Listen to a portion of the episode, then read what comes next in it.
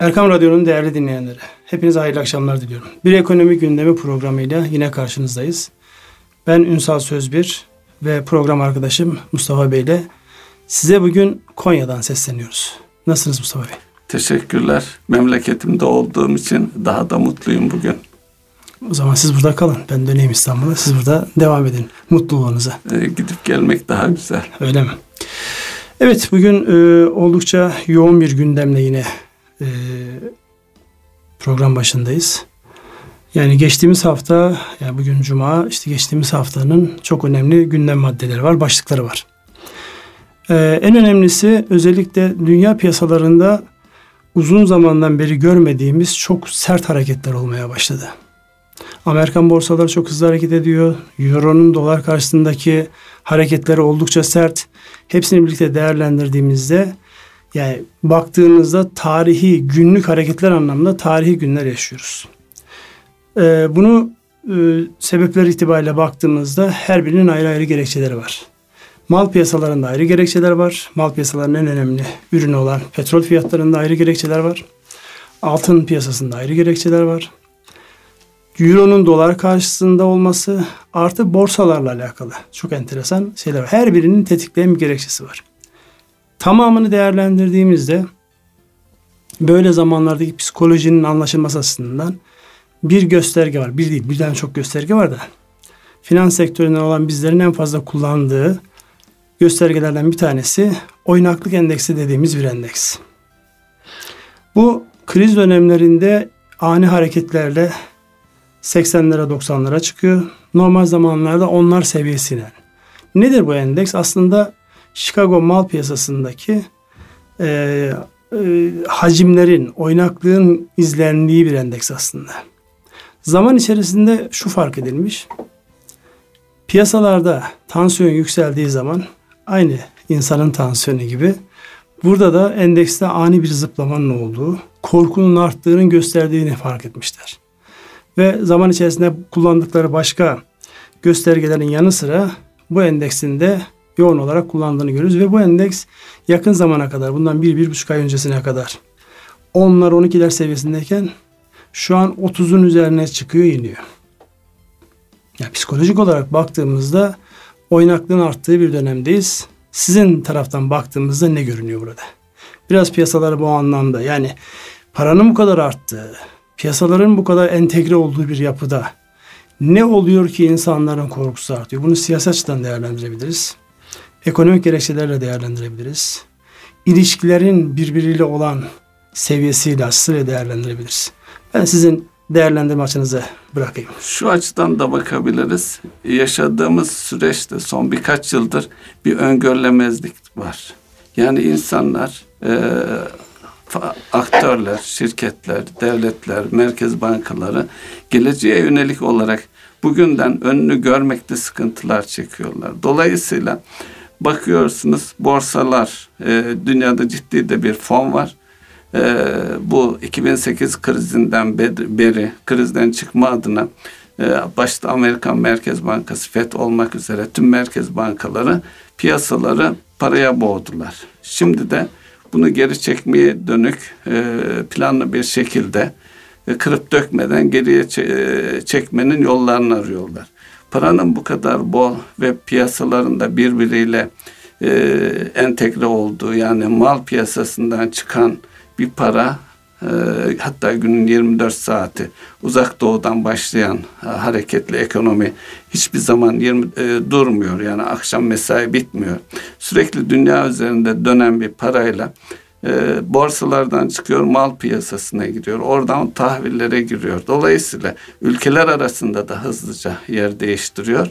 Tabi bu hem tehditlerden kaçmak hem kar, karların hızlı bir şekilde realize edilmesi gibi sahiplerle bir dalgalanmaya doğru gidiyor. Şimdi öngörülemezlikten bahsettiniz. Yani eğer öngörülemiyorsa burada bir kendi içerisinde şöyle bir çelişki var. İnsanlık tarihinin bilgiye ulaşma anlamındaki en rahat dönemini yaşıyoruz şu an. Yani bir bilgiye ulaşmak artık ciltler dolusu kitapları kütüphanelerde ya da işte bir tane yazılmış bir kitabın kovalanmasıyla alakalı değil. Düğmeye dokunuyorsunuz bilgisayarın tuşuna bir dokunduğunuzda dünyanın en e, nadir bulunan bilgisine hemen birkaç dakika e, mesafede ulaşabilme şansı var.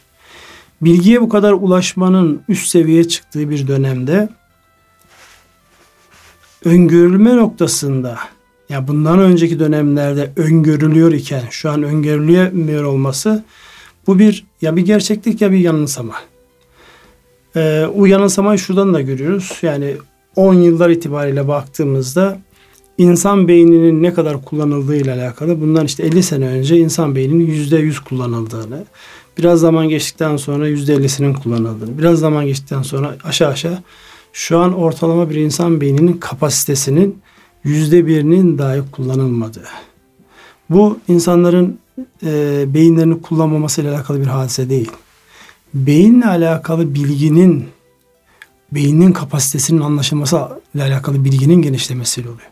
Şimdi bu kadar gelişmiş bir ortamda piyasaların e, bu kadar matematiksel hesaplamaların iyi yapıldığı bir ortamda piyasaların öngörülememesi ve bu yana yönelik tedbir alınamaması o zaman bütün tahminleri bütün e, öngörüleri otomatik olarak boşa çıkaracak. Soru şu uzun vadeli planlar nasıl yapılacak? Yani herkes şu an paranoyanın üzerinde oturup yarın başıma ne gelecek diye mi bekleyecek? Ya da mevcut olan korkularımıza ya korkacak bir şey yok. Bir çıkış noktası nasıl olsa bir şekilde bulunacaktır diye mi yaklaşacak insanlar? Ee, özellikle bu gelişmekte olan piyasalardaki işte bu dönem şu ekonomi batar, bu e, ülke sıkıntıya girer, bu şirket sıkıntıya girer dediğimiz yerde bir bakıyorsunuz farklı bir gelişme olmuş. Kaynak akmayacağı söylenen ülkelere kaynaklar akmaya başlıyor. Bugünlerde mesela yine haberlere e, sızmış bir şey var. Hemen buradan bir bağlantı yaparak Amerikalı bir yatırım bankası Türk lirasının uzak durulması gerektiği noktasında bir rapor yayınlıyor. Fakat öbür taraftan aynı ülkeden bir başka yatırım bankası önümüzdeki dönemin parlayan yıldızının Türk lirası ve Türk lirası yatırım araçlarının olacağı söyleniyor.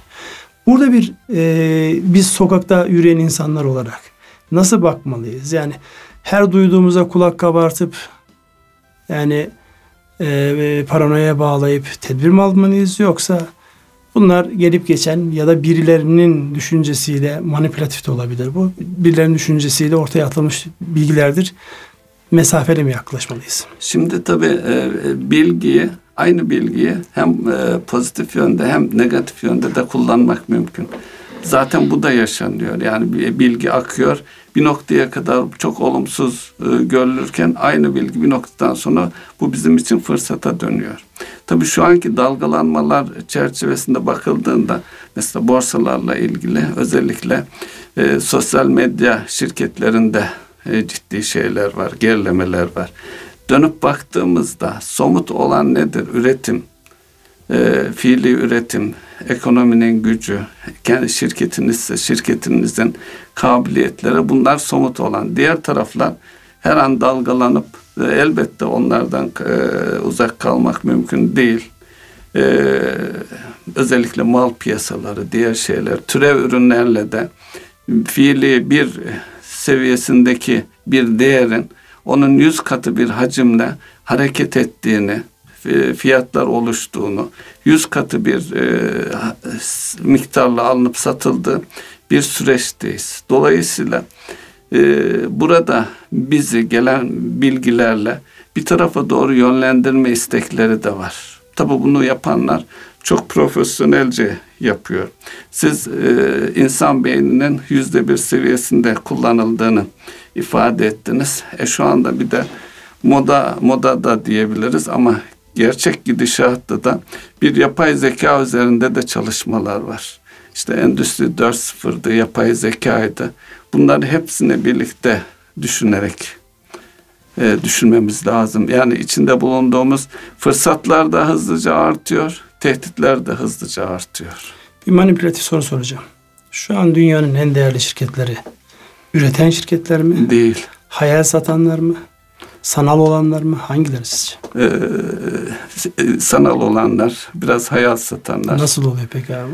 Ee, yani tabii. insanları bu şartlarda üretmeye, somut bir şeyler üretmeyi ve büyümeyi gerçek ekonomiye dayandırma konusunda nasıl ikna edeceksiniz? Yani e, gün geçmiyor ki böyle müthiş bir haber olmasın. İşte bir tane yazılım e, firması. Nedir bu yazılım firması? İşte herkesin çok yoğun kullandığı artık e, reklam değeri olmaktan çıktığı için işte bir WhatsApp. Parayı nereden kazanıyor WhatsApp? Ama milyar milyar dolarları el değiştiriyor ve müthiş bir güç. Evet. Bu artık ekonomik olmaktan başka bir boyuta dönmüş vaziyette. Yani o tip bir yapının kurgulanması artık salt ekonomik gerekçelerle izah edilemez. Çünkü baktığınızda düz mantıkla baktığınızda WhatsApp muhtemelen 50-100 kişilik bir şirkettir. O kadar mühendisin çalıştığı bir şirkettir güvenlik ve yazılımıyla. E bakıyorsunuz sizin bir gelir anlamında bir şey görmüyorsunuz. Bir bedel ödediğiniz yok orada. Her şey internet ortamı üzerinden bedava yapılan bir ortam. Fakat öbür taraftan 15 milyar, 20 milyar dolara el değiştiriyor. Şimdi bundan sonraki süreçte özellikle genç jenerasyonlara biz üretmenin değerli olduğunu, reelin, dokunulabilen ekonominin, gerçekten alınıp satılabilen şeylerin değerli olduğunu nasıl anlatacağız? Tabii o WhatsApp örneğinde e, ilk planda bu şirketin geliri nedir diye bakıldığında ilk akla gelen reklam gelirleri falan geliyor. Ama onun arka planda üretilen bir bilgi var. Yani insanlar gruplar oluşturuyoruz. Kim, kiminle, hangi konuda ne iletişiyor. İstihbarat yapılan, değeri var. Ticari değeri istihbarat. İstihbari değeri bu hem e, normal askeri, sosyal istihbarat anlamında da hem ticari olarak da bir takım bilgiler var. Bu bilgiler çok değerli. Yani hangi e, yörede, kime, neyi, nasıl, hangi fiyattan, ne şekilde satılabilir? Tabi bu, bu big data dediğimiz büyük veriyle de bağlantılı. Yani öyle bir e, şeye gidiyoruz ki big data, bu sosyal ağlar, e, bunun yanı sıra üretilen bilginin, devasa bilginin yorumlanması, yönetilmesi, yürütülmesi hepsi birlikte düşünüldüğünde e, akla ziyan bir noktaya doğru gidiyoruz. Ama dönüp baktığımız zaman yine biz bir insan olarak işte barınmaya, yemeğe, e, güvenliğe işte ihtiyacımız var. Bunlar tabii üretim, sanayi, askeri kaynaklar olarak da e, genişletip düşünebiliriz. Ama onun üzerinde artık şu, şu anda hiç olmadığı kadar büyük bir bilgi üzerinde de bir mücadele ve savaş var. Dolayısıyla o şirketleri de değerli kılan şeylerden en önemli husus bu bilgi, üretilen bilgi ve bu bilginin tabi bu bilgiyi kim satın alıyor, kime satıyor, nasıl yorumlanıyor şu anda onları da bilmiyoruz. Biz sadece kullanıcı olarak koşturuyoruz. Aslında biliyoruz, bilmiyoruz. Yani biliyoruz internette herhangi bir konuda bir araştırma yaptığınızda hemen yan tarafa gelmiyor mu aslında siz şunu da merak ediyorsunuzdur diye. Evet. Zihnimizi okur hale geldiler. Bizim davranışlarımızı bizden daha iyi bilir hale geldiler. Sosyal medyada doğrudan kendimizin paylaşmamız gerekmiyor. Başkasının paylaşıp bizi etiketlediği bir tane fotoğraf 10 sene sonra e, şöyle geliyor. 10 sene önce şöyle bir güzel anım vardı. Bununla alakalı bir şey söylemek ister misin? Dolayısıyla benim bilmediğim, bilip unuttuğum, bilip çok önem atfetmediğim bilgiler, bilgi kırıntıları birilerinin ellerinde inanılmaz analiz edilmiş e, bir ticari araca dönüşüyor. Yani yarın öbür gün bizim hafızamızı yani siz hafızanıza güvenmeyin biz sizi sizden daha iyi biliyoruz diye ticareten getirip birileri bir şey satarsa ben hiç şaşırmayacağım. Yani hafızanızda muhtemelen silinmiş işte gittiğiniz yer, geldiğiniz yer, ziyaretleriniz çünkü alıyorsunuz eline telefonunuzu e, telefon açar açmaz daha bir navigasyon yol e, haritasını açtığınızda eve mi gitmek istersin? İşte şu alışveriş merkezine mi gitmek istersin diye soruyor. Niye? Sizin rutin olarak nerelere gittiğinizin datası onda var. Siz kaç kere gittiğinizi bile bilmiyorsunuz ama o size kaç kere gittiğinizi, kaç dakikada gidebileceğinizi alternatif yollarıyla beraber sunuyor. Dolayısıyla bu ortamda yani biz bir taraftan da e, dünyanın devleri olan milyar milyar dolarlık şirketlere karşı var olma savaşı veren girişimcilerin desteklenmesi gerektiği fikrini ön plana sunuyoruz. Burada girişimciler hep böyle geleceğe yönelik, yazılıma dayalı, bilgiye dayalı, bilginin işlenmesine dayalı işlere mi yönelecekler? Hepimizin yetenekleri ona uygun değil. Diğer işleri nasıl buna evireceğiz konusu önümüzdeki dönemde herhalde hepimizin fazlasıyla sorgulayacağı, üzerine kafa yoracağı bir konu olarak gündeme gelecek. Bilmem katılır mısınız? Ee, evet, tabii önümüzdeki süreçte şu da olacak. Ee, israf etmeden ne ihtiyaçsa, kim ne istiyorsa o kişiye özel, o kişinin tercihlerini içeren bir üretim modeline doğru da gidiyoruz. Şimdi gerçekte öyle mi acaba? En önemli ısraf insan. E, tabii yani insan, evet. baktığımızda şu an en e, önemli gelişen sektörlerden bir tanesi e, dijital ortamdaki oyun sektörü. Artık milyar milyar dolarlar geçti. Belki trilyon dolarlar sınırına geldi. Evet. Herkes oralarda. Neye yönelik bu? Bizim daha fazla vakit geçirmemize yönelik. Bu geçirdiğimiz vakit bir üretim vakti mi? Değil. Bir değerleme vakti mi? Değil. Sadece son dönemde yapılan araştırmalar o da mecburiyetten kaynaklanan şey. İşte bu bilgisayar oyunlarını sürekli kötülüyoruz. Acaba bunun bir öğretme tarafı yok mu diye oradan e, ki şu an özellikle bu işin eğitimin öneminin farkına varmış ülkeler ve zihinler oyunlar üzerinden hem insanların kendilerini sakınamadıkları bu oyunları oynamalarını hem de bir taraftan onların öğrenmelerini sağlayacak daha bilinçli planlı bir alana doğru kayıyor. Dolayısıyla ısraftan bahsettiğiniz şu an en değerli olan zaman, en değerli olan insan ısraf ediliyor. Bir taraftan da böyle bir e, hadise evet. var. Dolayısıyla yani e, en tepedeki baştaki yorumunuzu ben tekrar alacağım. Gerçekten öngörülemez bir dönemdeyiz. Çinlilerin e, bir bedduası varmış. Birisini sevmedikleri zaman ilginç zamanlarda yaşasın diye bir e, dua ederlermiş. İlginç zamanlarda yaşamanın e, bedelini hiçbir şeyi ölçemiyorsun, kestiremiyorsun. Başına neyin geleceğini bilemiyorsun. Dolayısıyla sürekli ruh hali olarak iniş ve çıkışlardasın. İnşallah biz ekonomik anlamda böyle bir süreçten geçmeyiz. Peki bu şu açıdan soruyu şöyle sorarsak madem böyle bir dönemdeyiz biz ne istiyoruz ona onu belirleyip ona yönelsek ona yönelmenin en temel şey bizim odaklanmayla alakalı çekmiş olduğumuz e, sıkıntıyı, bir hedefleme ile alakalı çekmiş olduğumuz sıkıntıyı önce bir netleştirmemiz lazım. Baktığımız zaman e, gerçekten yani yaptığımız iş itibariyle çok farklı insanlarla temas halindeyiz. İster bunu işte e, danışmanlık tarafında, ister koçluk tarafında, ister, ister yönettiğimiz insanlar tarafında.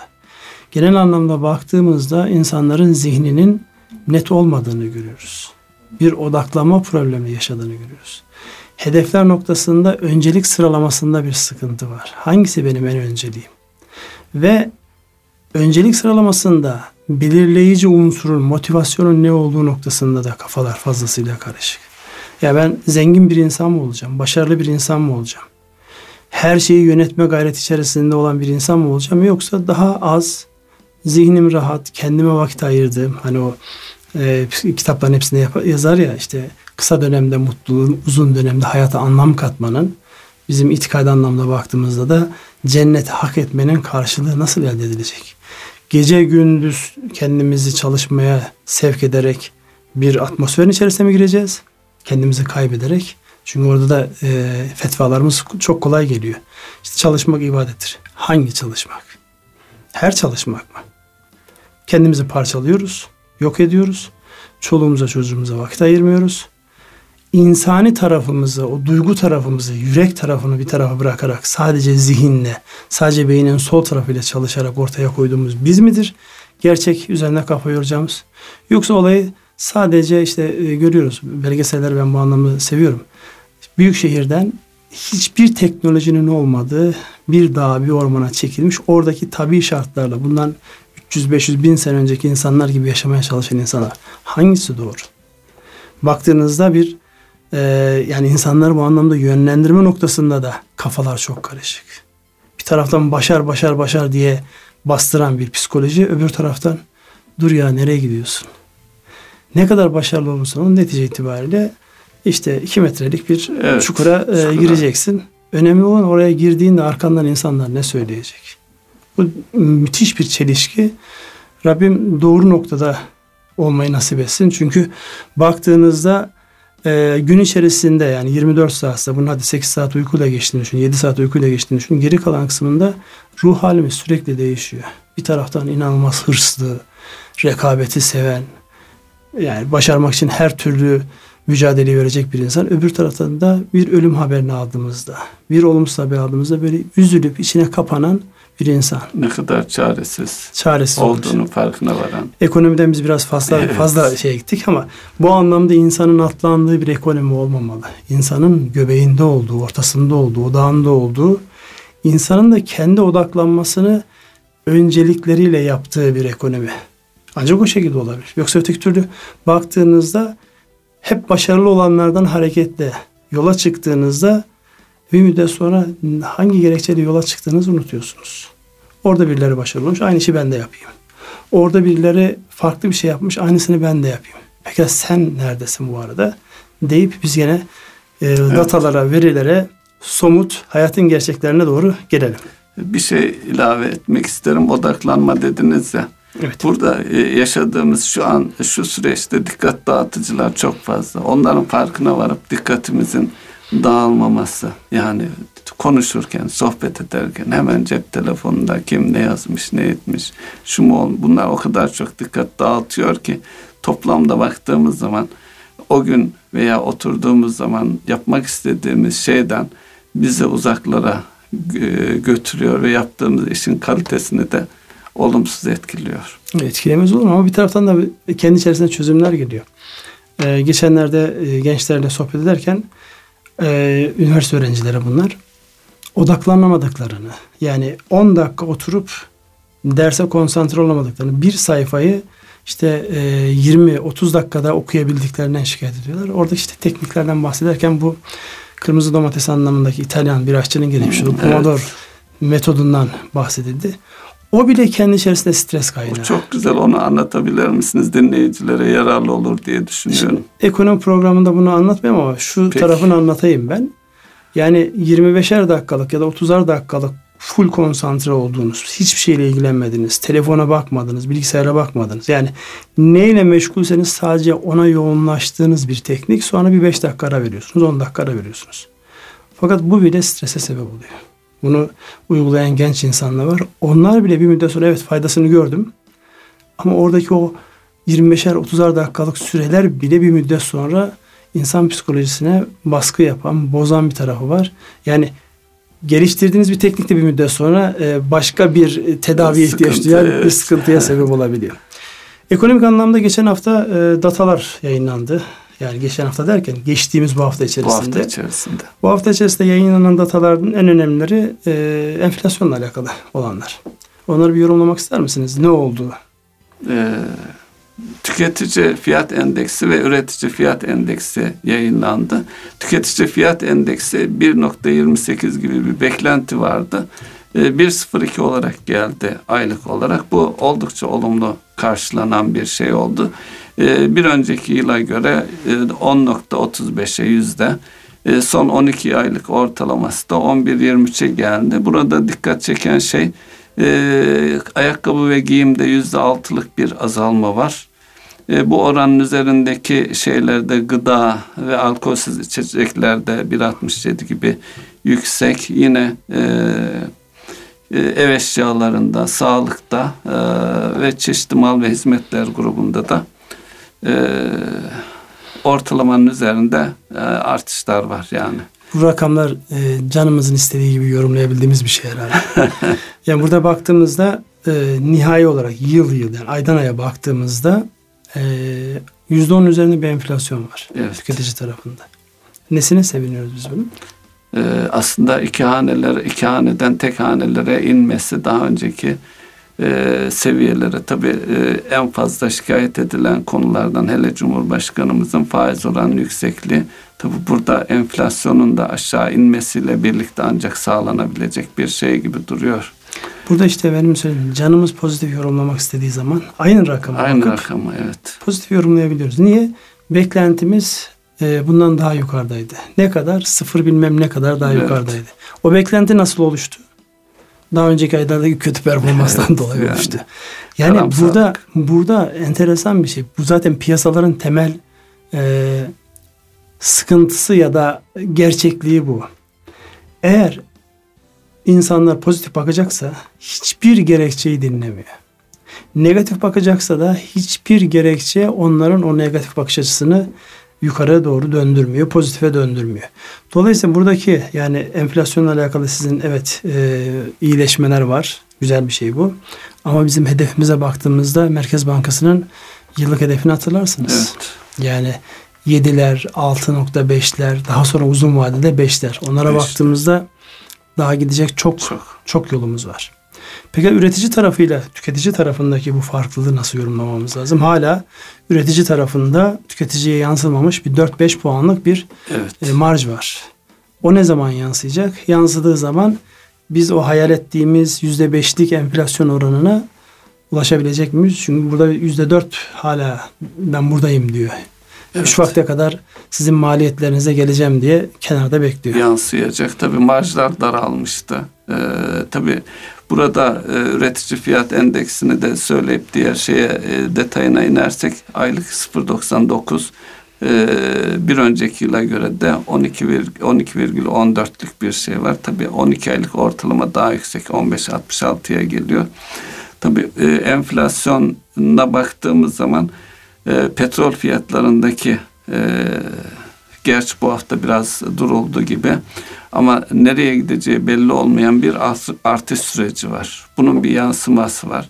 Yine bu enflasyonun niye buralarda e, sorgusu soru sorulduğunda yaklaşık yüzde dört civarında bir kurlardaki e, artıştan kaynaklanan onlar oradan gelen şeyler var.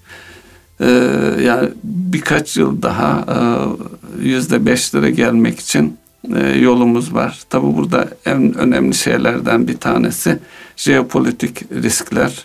İşte Suriye'deki, Afrin'deki e, iyi gelişmeler var ama nereye kadar gidecek, ne olacak? İşte tüm e, Suriye ve Irak sınırındaki bizi bekleyen tehditler, ciddi tehditler var. O uzun Bunlar sürecek hepsi, bir hadise yani akşamdan e, sabaha ekonomi, şey. Evet, ekonomiyi de e, bu tarafta insanları ihtiyatlı e, oldurmaya sevk eden ve oradaki en ufak bir gelişmeyi olumsuz ve karamsarlığa götüren bir şekilde e, yaklaş, yaklaşan e, yaklaştığımız zaman da bir anda her şey olumsuz gibi duruyor ama e, maşallah bu ay içerisinde özellikle Ocak ayından itibaren tüm göstergelerden gelen şeylerle pozitif bir sürece girdiğimizi görüyoruz piyasalara da. Durun acele etmeyin daha e, göstergelerin hepsini bir celsede bitirirseniz programın geri kalanında ne söyleyecek söyleyecek bir şeyimiz kalmaz. Peki. Burada benim e, dikkatimi çeken bir hadise var. Yani uzun yıllar dünyanın en büyük ithalatçısı konumunda olan ya da onlardan bir tanesi olan Amerika'nın petrolde artık net satıcı olması. Yani kendi ihtiyacını karşılıyor olması birinci etapta. Sonra bunun e, daha önceden yasak olan ihracat yasağının kaldırmasından dolayı. Bir taraftan OPEC ülkeleri işte petrol üretimiyle alakalı aman kısalım, çok fazla açılmayan fiyatları biraz yukarı gitsin bizim ekonomimiz düzelsin diye uğraşırken bir bakıyorsunuz 71 dolarlardan 62-63 dolarlara gelmesinin sebebini arkaya bir bakıyorsunuz Amerika'nın üretimi arttırması yatıyor. Ya burada rakibinizin ya da rakip olma ihtimali olan herkesin hareketlerini biliyor olmanız lazım ki bir yol yürüyesiniz. Yani bunu kestirmek çok zor. Bir taraftan işte e, ne güzel petrol fiyatları yukarı gidiyor diye sevinirken OPEC ülkeleri bizim gibi ithalatçı ülkelerin canı yanarken Amerika ben diyor üretimimi arttırdım işinize gelirse. Kimse de bir şey diyemiyor. Hiç kimse de yüzde on beş aşağı geliyor. Yüzde on beş çok büyük rakam. Şimdi evet. biz enflasyonu konuşuyoruz. Enflasyon yüzde onlar seviyesinde. Bir haftada işte. Bir haftada yüzde on beş petrol fiyatları aşağı geliyor. Dolayısıyla yani rakamların artık çılgınca yaşandığı bir dönemdeyiz. En önemli soru işte hep e, Türkiye ile alakalı şu soruluyor. İşte notumuz yatırım yapılabilir olmadığı için bize gelecek olan kaynaklar acaba bir bünkesidir mi? Ya biraz mantıklı olmak lazım. Şu an dünyanın en riskli yatırım araçlarından bir tanesi olan kripto paralar yani 18 bin dolardan 8 bin doların altına geliyor. Hala insanlar oraya kaynak aktarmaya devam ediyor. Bu kadar marjinal bir işe kaynak akması devam ederken Türkiye gibi iddiası olan, teklifi olan, geleceği olan, geçmişe sağlam basmış bir ülkeye kaynak akmaz mı? Dolayısıyla benim kaynağın akması noktasında bir endişe taşımıyorum. Sadece o kaynak nereye gidiyor? O kaynak uzun vadeli, yapısal, geçen hafta konuştuğumuz o yapısal reformları destekleyecek, yapısal, kalıcı, istihdam sağlayacak, bu ülkenin geleceğinin, parlak geleceğini daha da parlatacak yerlere mi gidiyor? Yoksa tüketime, tam tersine insanın zamanını ve kendisini tüketen, sadece tüketim yediğimiz içtiğimizde olmuyor ki. En büyük tüketim konu olan kendimiziz. Kendimizi mi tüketiyor? Önemli olan oraya akış. Dolayısıyla bu kaynak girişlerinde önümüzdeki dönemde bu iletişimi, bu kapılar açık tuttuğumuz sürece herhangi bir problem olmayacaktır diye düşünüyorum. Perakende sektörüyle alakalı sizin bir ayağınız perakende olduğu için perakende sektöründe çok ciddi bir büyüme var. Evet. Perakende e, ekonominin gidişatıyla alakalı çok önemli göstergelerden bir tanesi. Çünkü insanların ötelemeyip harcadıkları paralar ekonomiye bir anlamda can suyu olarak geliyor. E, hepimizin malum işte Almanya gibi, Japonya gibi yaşlanmış nüfuslardaki en büyük problem insanlar harcamıyorlar paraları. Tüketmiyorlar. Tüketmiyorlar. Bir yaş ortalamasından dolayı yani 45, 46, 47 yaşa ortalamaya ulaşmış bir ülkede tüketime konusu farklı. İkincisi o e, biraz da inanç sistemiyle de alakalı. E, ölürken varlıklı öleyim ya da kimseye muhtaç olmayayım şeklindeki bir düşünce insanların harcamasını engelliyor. Bizim gibi genç toplumlarda bir taraftan da tasarruf problemi olan toplumlarda da tüketim tarafı, perakende tarafındaki hareketliliği fevkalade önemsiyoruz. Ki son dönemde işte otomotiv sektöründeki canlılık desteklensin diye yani ya da var olan süreç artsın diye e, yapılan teşvikler var. İşte hurda geri alımları, onlarla alakalı yapılacak avantajlar ki Maliye Bakanlığı yapmış olduğu bir açıklama vardı. Yani yine otomobil sektörüyle alakalı 100 milyon liralık bir vergi avantajından vazgeçtik diye bir evet. ifade var. Bunları değerlendirdiğimizde perakende de ne oluyor? E, parakende de artış e, 18.2 gibi bir artış var. Parakende e, yıl sonu e, Aralık ayı Ocak ayına geçince bir artış var. E, bu artış süreklilik arz edecek de görünüyor. Bu e, herkese e, yansıyacak bir şey. Üretim tarafında da siparişlerde de artışlar var. Hem gıda tarafında hem diğer parakende tarafında. E, gö, en, önemli göstergelerden bir tanesi olarak önümüzde duruyor. Ee, sevindirici bir şey. Bir taraftan e, israfı falan konuştuk ama şey tarafından bakınca da neticede e, parakende de parakende herkese yansıyan e, kolayca yansıyan bir şey. Küçük esnaf da dahil. Oradaki hareketlilik insanların daha bir güvenli bir şekilde alışverişlerini artırıyor olması e, ekonomiyi genel e, pozitif çerçevesinde de e, ondan da etkileyen ve o pozitifliği de etkileyen bir unsur. Geçen hafta konuştuğumuz bu güven endekslerinin temelinde de zaten evet, bu var. Bu yani tüketici güven endeksi ya da işte reel kesim güven endeksi, işte hizmet sektörü güven endeksi. Burada insanlar güvendikleri zaman harcamaya başlıyorlar. Harcama arkasından bir çarkın dönmesini sağlıyor. O çark en nihayetinde insanların istihdam edilmesi ve gelirin bir şekilde dağılmasını sağlıyor. Aksi aksi olduğu zaman tüketen kesim genellikle toplumun daha varlıklı kesimi sıkıntısını çeken, işsizliği çeken daha toplumun alt daha alt evet, alt, alt diyeceğimiz gelir, gelir anlamında gelir alt grubu, alt e, gelir grubu olan, diyebiliriz. E, dolayısıyla bunun yaygın olmasında fayda. Burada temel unsur şu. Tüketimde hangi alana doğru bir e, yöneliş var? Yani ne tüketiliyor ve bu tüketilen unsurların kaynağı ne? Yani üretmediğiniz, dış dünyadan transfer ettiğiniz teknoloji yoğun ya da lüks diyebileceğimiz ürünler mi artış var? Yoksa daha sizin üretebileceğiniz, işin içerisinde katma değeriyle yer alabileceğiniz ürünler mi var? Çok şükür biz üretebilen bir toplumuz.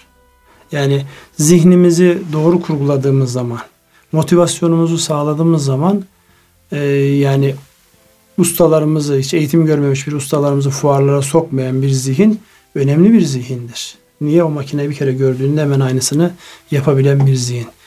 Bizim bu anlamda e, neler yapar isek bu tüketimdeki bu artışlar bize fayda sağlar konusunu bilmiyorum değerlendirmek ister misiniz? Ünsal Bey, e, Konya'dayız. Üretim yapan bir şehirdeyiz. E, her yönüyle o konuyu da Konya bağlamında da bir şeyler ben bu anlamda Konyalılara biraz kırgınım. Sebebi eskiden o güzelim Konya'ya geldiğimizde halı kilim kalmamış.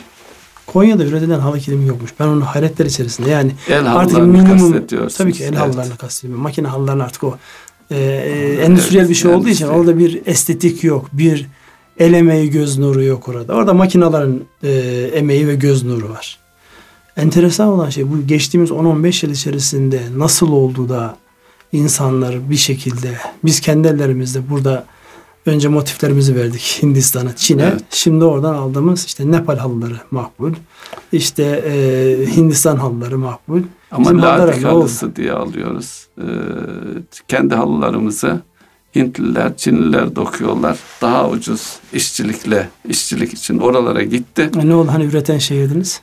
Şimdi üretimi, halı kilimi e, üretemiyoruz maalesef. O, o bir sanat aslında. Kötü bir yerden Sadece, geldim galiba. Evet, e, beklemediğim bir yerden geldiniz. O bir sanat. Gerçekten de saygı duyulacak. Asırlardır bizi ifade eden, kültürümüzü ifade eden bir e, sanatı sadece e, üretmek yerine e, bizim motiflerimizle e, ne bileyim uzak doğudan, Pakistan'dan, Hindistan'dan alır hale geldik. Tabi bu üzüntü verici bir şey. E, benim üretimden kastettiğim Konya. Yok ben onu bilerek manipüle Orada söylenecek çok şey var. Ama e, toplamda bakıldığı zaman sadece sanat derken diğer hattı, Ebru'ydu, e, tesipti. Bunları da işin içerisine katarak düşünecek olursak e, son 10-15 yıldaki ekonomik gelişmemize bağlı olarak bunlara da insanlar artık e, para harcamaya başladılar. Sanatçılar gerçekten sanatlarının karşılığı olan değerleri daha doğrusu parayı kazanabilir hale geldiler. O da önümüzdeki dönemde e, artacak.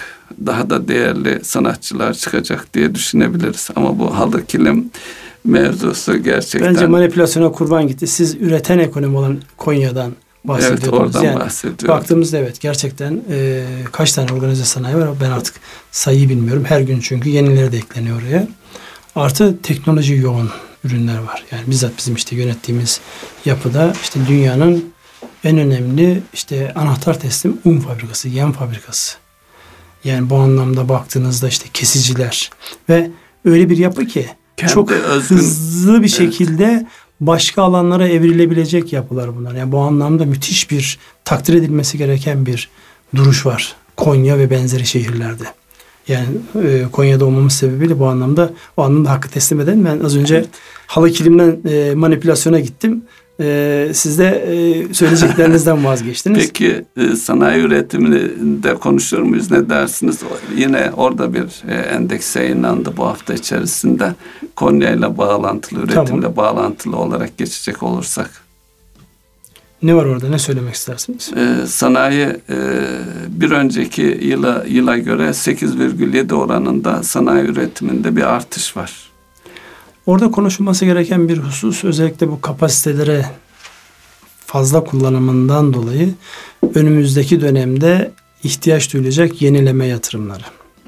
Bunların iyi planlanması gerekiyor. Biz genellikle yatırımlarda e, özellikle yatırım ve finansmanı konusunda e, bazen e, fazla özgüvenli yaklaşıyoruz. Çok pozitif yaklaşıyoruz. Burada özellikle kapasite yenilemesinde ya da genişlenmesinde, yeni yatırım yapılmasında muhakkak finansman ayağının dikkat alınması gerekiyor. Son dönemde biliyorsun çok güzel yatırımlar yapmış. Fakat finansmanın vadesini yatırımın geri dönüşüyle uyumlu halde dizayn et, etmediği için, edilmediği için çok güzel firmalar e, artık dikkatini başka bir tarafa yani yaşam savaşı verir hale gelmiş. Bu anlamda birlikte değerlendirdiğimizde yani burada evet kapasitemizi kullanıyoruz. Sanayi üretiminde ciddi bir artış var. Ama önümüzdeki dönemde bir yenileme ihtiyacı olacak. Bu aslında bizim için de bir fırsat. Evet. Makinayı yapan rahmetli Necip Fazıl'ın dediği gibi makineyi yapan makinalar yapan bir ekonomi olarak Konya burada çok önemli bir yer ifade ediyor.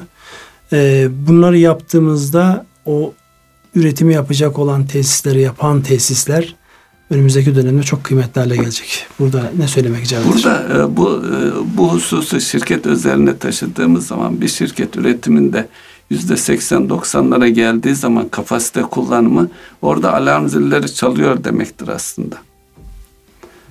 Ee, şunu demek istiyorum.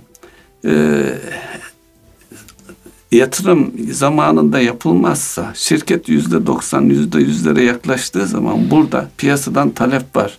Satılıyor. Ne yapacak? Kaliteden taviz vermeye başlıyor. Kar marjı artıyor. Böyle bir ortamda ya da müşteriyi kaçırmamak için başkalarına fason evet. ürettiriyor. yatırım yap, yapma ihtiyacı artık bıçak kemiğe dayandığı zaman o zaman da dönüp acilen yatırım yapmaya çalışıyor. Burada da tabii e, gelen bir akan bir para var, bir karlılık var. Onu düşünerek yatırımın geri dönüşünü dikkate almadan, onun finansman tarafını düşünmeden o anki içinde bulunduğu pozitif gerçeklik para cebindeyken daha doğrusu bu işletme sermayesi oluyor. Yatırıma giriyor. Maalesef konjonktür değiştiğinde başka rakipler de girdiği zaman bu sefer şirketin hayatiyetini e, etkileyecek krizlere girilebiliyor. Onun arka planında da e, biliyorsunuz bankacı olarak siz de çok gözlemlemişsinizdir firmalarda. Eğer şey güzel yatırım yapmış ama kısa vadede yatırım yapmış ve elindeki işletme sermayesini yatırıma hele bir de bunun içerisinde fabrika inşası falan var. Makineye sıra gelmeden e, taşa, toprağa, betona, çimentoya da parayı harcadıysa ciddi bir krizle karşı karşıya kalıyor. Ya burada bizim söyleyeceğimiz şu planlamanın fevkalade önemli olduğunu. Yani konu eğer bir işletme, bir organizasyonsa en önemli kısım hazırlık kısmı. Planlama da bunun, fizibilite de bunun en önemli e, başlıklarından bir tanesi. Burada ben buradan iyi işler yapmış firmaların son dönemde halka arzlarıyla alakalı güzel gelişmeler oluyor. Biliyorsunuz bir ara e, Türkiye'de halka açılma kampanyaları düzenlendi ve maalesef ve maalesef normalde halka açılmaya hazır olmayan, zihnen ve büyüklük olarak hazır olmayan birçok işletme geldi ve küçük yatırımcıların çok canını yakacak sonuçlar çıktı. Son dönemde bugüne kadar halka açılmaktan imtina eden şirketler artık yavaş yavaş bunu düşünür hale geldi. Ki geçtiğimiz haftada yani peş peşe e, Türk lirası bazında en büyük halka arzlar gerçekleşti ve burada baktığınızda dünyanın dört bir tarafından yatırımlar e, geliyor. Yatırımcılar. Bunlar yatırımcılar geliyor. E, bu yatırımcıların yani zaten e, Avrupa Yatırım Bankası'nın yayınlamış olduğu bir raporda da Türkiye sıcak parayla büyümüyor. Türkiye'nin büyümesi reel, stratejik ve uzun vadeli e, paralarla büyümesini sağlıyor. Bu yapılacak halka arzlar ve geniş, uzun vadeli firmaları yormayacak maliyetsiz finansman tekniklerinden bir tanesi olan bu halka arzları da önümüzdeki günlerde fazlasıyla e, kendini gösterecek görünüyor ki tepkiler gayet iyi. 4 kat, 5 kat, 10 kat talepler geliyor ve hacimlerin büyük olduğu bir ortamda. E, bunu bu açıdan baktığımızda da işletmelerin eğer en başındaki o fizibiliteyi, planlamayı iyi yaparlarsa 5 sene sonra, 10 sene sonra kendilerini büyütecek alternatif kaynakları bulabilme şansında yakalama ihtimali var. Dolayısıyla biraz vizyonu genişletmek, biraz farklı disiplinlerde bilgiye sahip olan insanlardan yararlanmak konusunda daha cömert olmamız lazım. Yani satır e, böyle kapanalığında alınmış iki satırlık bilgilerle tamam ben yakaladım bundan sonra nasıl gideceğimi biliyorum değil. Uzun soluklu gerçekten işin içerisine dahil edilmiş insanlarla, bilen insanlarla. Çünkü herkesin yeteneği farklı. Yani bazı insanlar iş geliştirme noktasında çok zekidir, çok beceriklidir. Bazı insanlar kurulmuş yapıları büyütmekte ve sevk ve idare etmekte becerikleri zekidir. Dolayısıyla yani başlangıcı iyi yapmak arkasını iyi getireceği anlamına gelmez. Nerede neye ihtiyacım var sorusunu sürekli sormamız icap eder.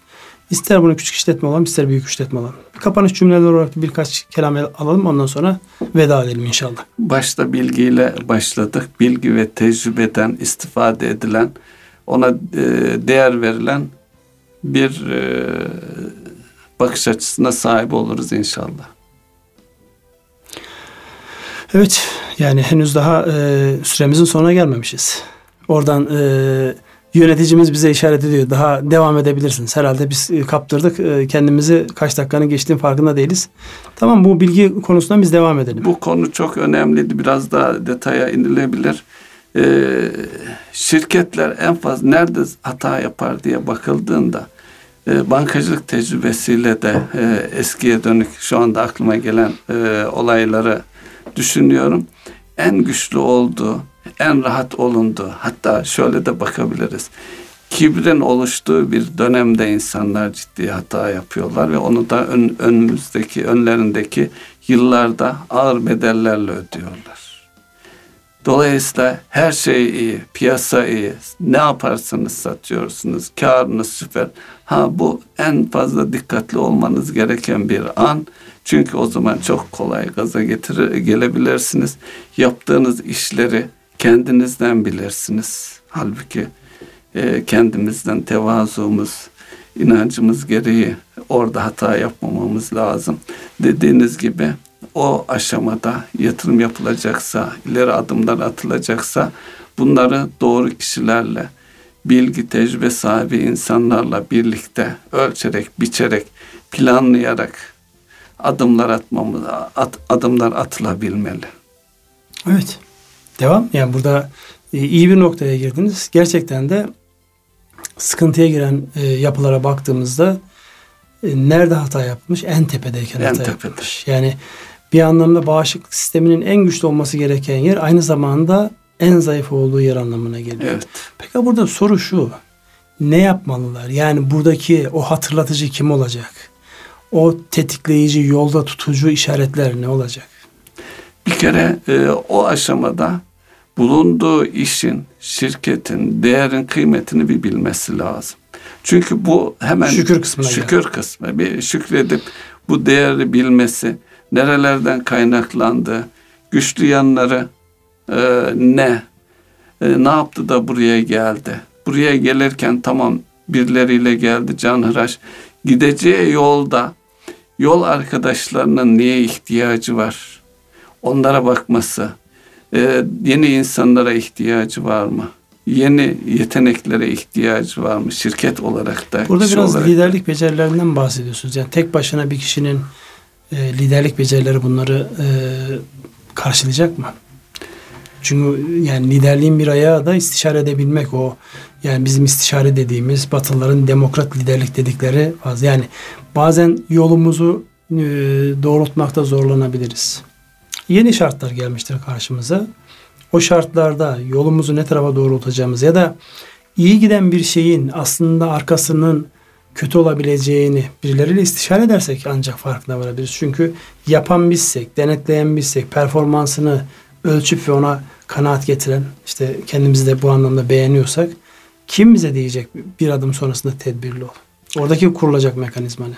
Orada liderden bahsettiniz. Lider önce kendisine bakacak. Kendisini sorgulayacak bir yol arkadaşı bulacak. Yani burada son dönemde koçluk yapıyoruz. Siz de yapıyorsunuz biliyorsunuz. Buradaki e, koçluk ihtiyacı öncelikle en tepedeki adam. Şirketin başındaki kişi. Lider kimse onun kendisinden bir başlaması lazım. Dolayısıyla her şey çok iyiyse tamam o her iyi olan her şey ne kadar kendisinin becerisi, ne kadar konjonktürün desteği, ne kadar birlikte çalıştığı yol arkadaşlarının gayreti ve şeyi. Bunları fark ettikten sonra kendisini fark ettikten sonra dönüp başkalarındaki neler yapacak, nelere ihtiyacı var bunu daha kolay algılayabilir. Daha kolay görebilir.